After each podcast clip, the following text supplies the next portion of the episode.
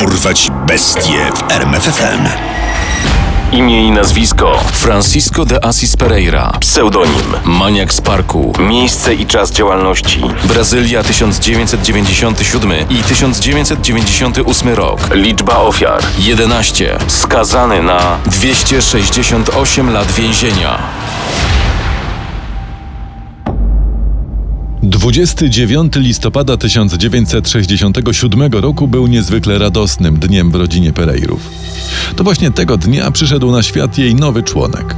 Pereirowie byli bardzo religijni, dlatego właśnie nadali dziecku imię na cześć włoskiego świętego Franciszka z Asyżu, Francisco de Assis. Pereire nie charakteryzowało poszanowanie dla wszystkich żywych istot. Wręcz przeciwnie, stał się on jednym z najgroźniejszych seryjnych morderców w historii Brazylii. Przyczyn jego niezdrowej seksualnej obsesji można się dopatrywać już we wczesnym dzieciństwie. Francisco z jednej strony wychowywany był przez gorliwie wierzących rodziców, a z drugiej strony często zostawiany pod opieką ciotki, która molestowała chłopaka seksualnie. Lubisz sobie popatrzeć na gołą ciocię, prawda? Każdy facet lubi cycki, nawet taki młody jak ty. A jak będziesz grzeczny, to może nie tylko popatrzysz. Doświadczenia z ciotką odcisnęły stałe piętno na psychice Pereiry.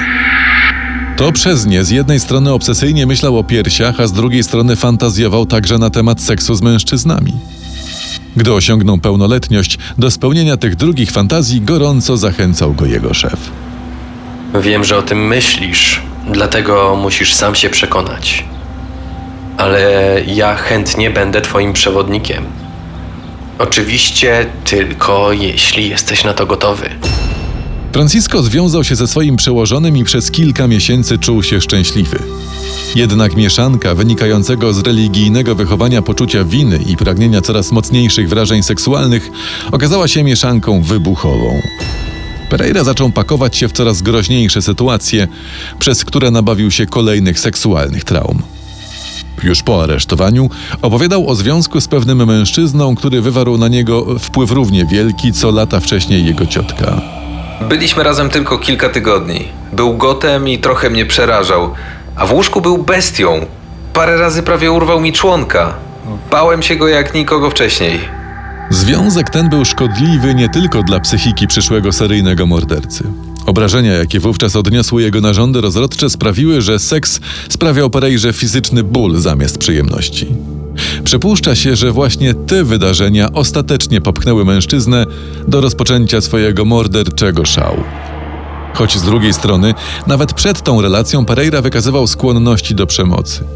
Przez ponad rok mieszkał z trans kobietą Tanią, którą notorycznie bił w brzuch i policzkował do nieprzytomności. Nim przeszedł do morderstw, dokonał kilku brutalnych napaści na tle seksualnym. Zeznania kobiet, które je przeżyły, dokładnie odzwierciedlały sposób, w jaki wcześniej Pereira znęcał się nad swoją współlokatorką. Gwałty i pobicia szybko jednak przestały wystarczać i by w pełni zaspokoić swoje żądze, Francisco de Assis zaczął mordować. Wabienie ofiar przychodziło mu z łatwością, był pewnym siebie ekstrawertykiem z darem przekonywania.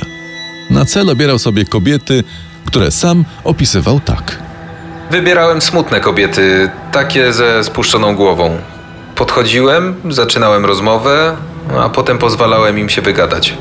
Mówiły o problemach z facetami, trudnościach w pracy, chorych rodzicach. Kiedy już opowiedziałem mi trochę o sobie, przechodziłem dalej.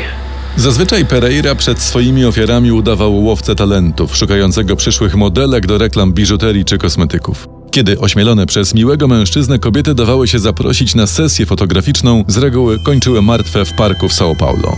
Dokładnie taki los spotkał 23-letnią Raquel Mota Rodriguez. Kobieta ciężko pracowała w sklepie meblowym, by pomóc finansowo swojej ubogiej rodzinie, żyjącej w Gravatai na południu kraju.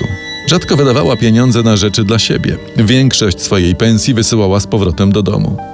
Jedną z niewielu przyjemności, jakich nie potrafiła sobie odmówić, były weekendowe wyjścia do baru. Choć nawet wtedy zawsze kończyła na jednym drinku i wracała do domu przed północą.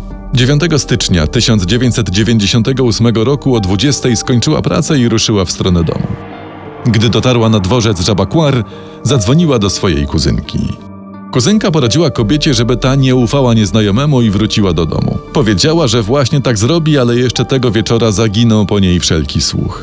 Jej zwłoki znaleziono 16 stycznia. Na jej ciele widoczne były ślady gwałtu i duszenia sznurówkami do butów. Niemal w identyczny sposób zginęło 10 innych kobiet, w tym Elisangela Francisco da Silva, Selma Ferreira Queiroz i Patricia González Marinho. Kolejną rzeczą, w której Francisco de Assis był niezwykle skuteczny, to unikanie aresztowania. Chociaż jak na seryjnego mordercę i gwałciciela wykazywał się czasem bezmyślnością. Gdy rozpoczął pracę jako kurier motocyklowy, kask niezbędny do wykonywania pracy kupił wykorzystując czek wystawiony na jedną z jego wcześniejszych ofiar, Izadorę Frenkel. Gdy tylko policjanci dowiedzieli się o tym, wezwali Pereirę na przesłuchanie. Mężczyzna jednak z łatwością się wyłgał. Cóż, yy, Izadora sama dała mi ten czek. Była mi winna pieniądze jeszcze zanim stało się to, co się stało. Początkowo nie chciałem go używać, ale potrzebowałem kasku do pracy, a to były pieniądze, które miałem pod ręką. Nie myślałem, że będą z tego kłopoty.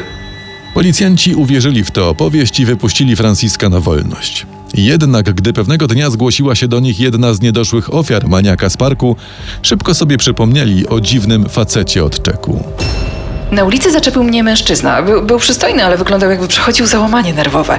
E, Próbował mnie namówić, żebym została modelką i poszła z nim na sesję, ale coś mi się w nim nie podobało. E, Dał mi wizytówkę, tyle że to wizytówka do firmy kurierskiej. Wszystko to jakieś dziwne, ale pomyślałam, że to może ten maniak z parku.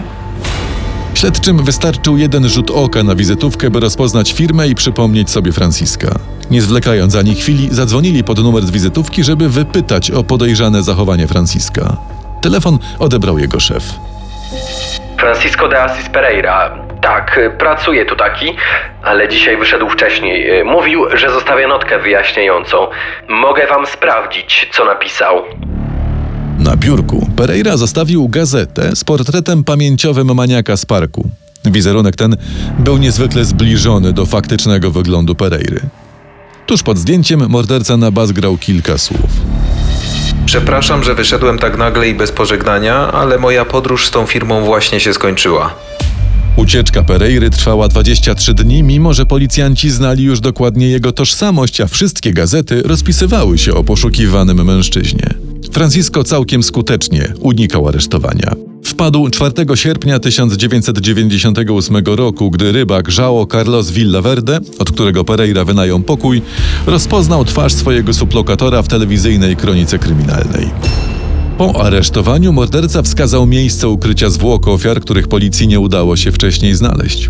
Opowiedział także o licznych gwałtach, których dokonał zanim zaczął mordować. Nie był to jednak koniec rewelacji Pereiry. Musicie mi uwierzyć, gdy robiłem te rzeczy, to nie byłem ja. Kierowała mną zła siła. To ona chciała, żebym to robił. Ale dobrze, dobrze, że mnie złapaliście, bo to zło chciało, żebym zaczął jeść moje ofiary. W więzieniu Pereira stał się dość nietypowym rekordzistą.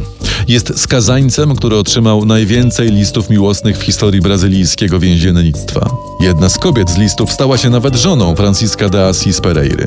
Usaria, bo tak ma na imię, dokładała wielu starań, by doprowadzić do uwolnienia jej męża. Nie wszyscy są jednak tak szybcy, by wybaczyć mordercy. Podczas zamieszek w 2000 roku czterech współwięźniów próbowało bezskutecznie zamordować Francisco, a 76% Brazylijczyków wskazywało jego sprawę jako jedną z najbardziej pamiętnych w historii kraju. Mimo, że za swoje zbrodnie Francisco de Assis Pereira usłyszał wyrok 268 lat więzienia, to zgodnie z brazylijskim prawem maksymalna długość jego pobytu w więzieniu to 30 lat. Mężczyzna wyjdzie zatem na wolność w 2028 roku. Sprawa ta budzi niemałe kontrowersje zarówno wśród opinii publicznej, jak i psychiatrów. Wielu z tych ostatnich przejawia podobny pogląd. Nie mam wątpliwości, że ze względu na jego psychopatyczną, zaburzoną osobowość, gdy tylko wyjdzie na wolność, znów zacznie krzywdzić ludzi. Tego człowieka nie zreformuje żadne więzienie ani szpital. Poznaj sekrety największych zbrodniarzy świata. Dorwać bestie w RMFFM.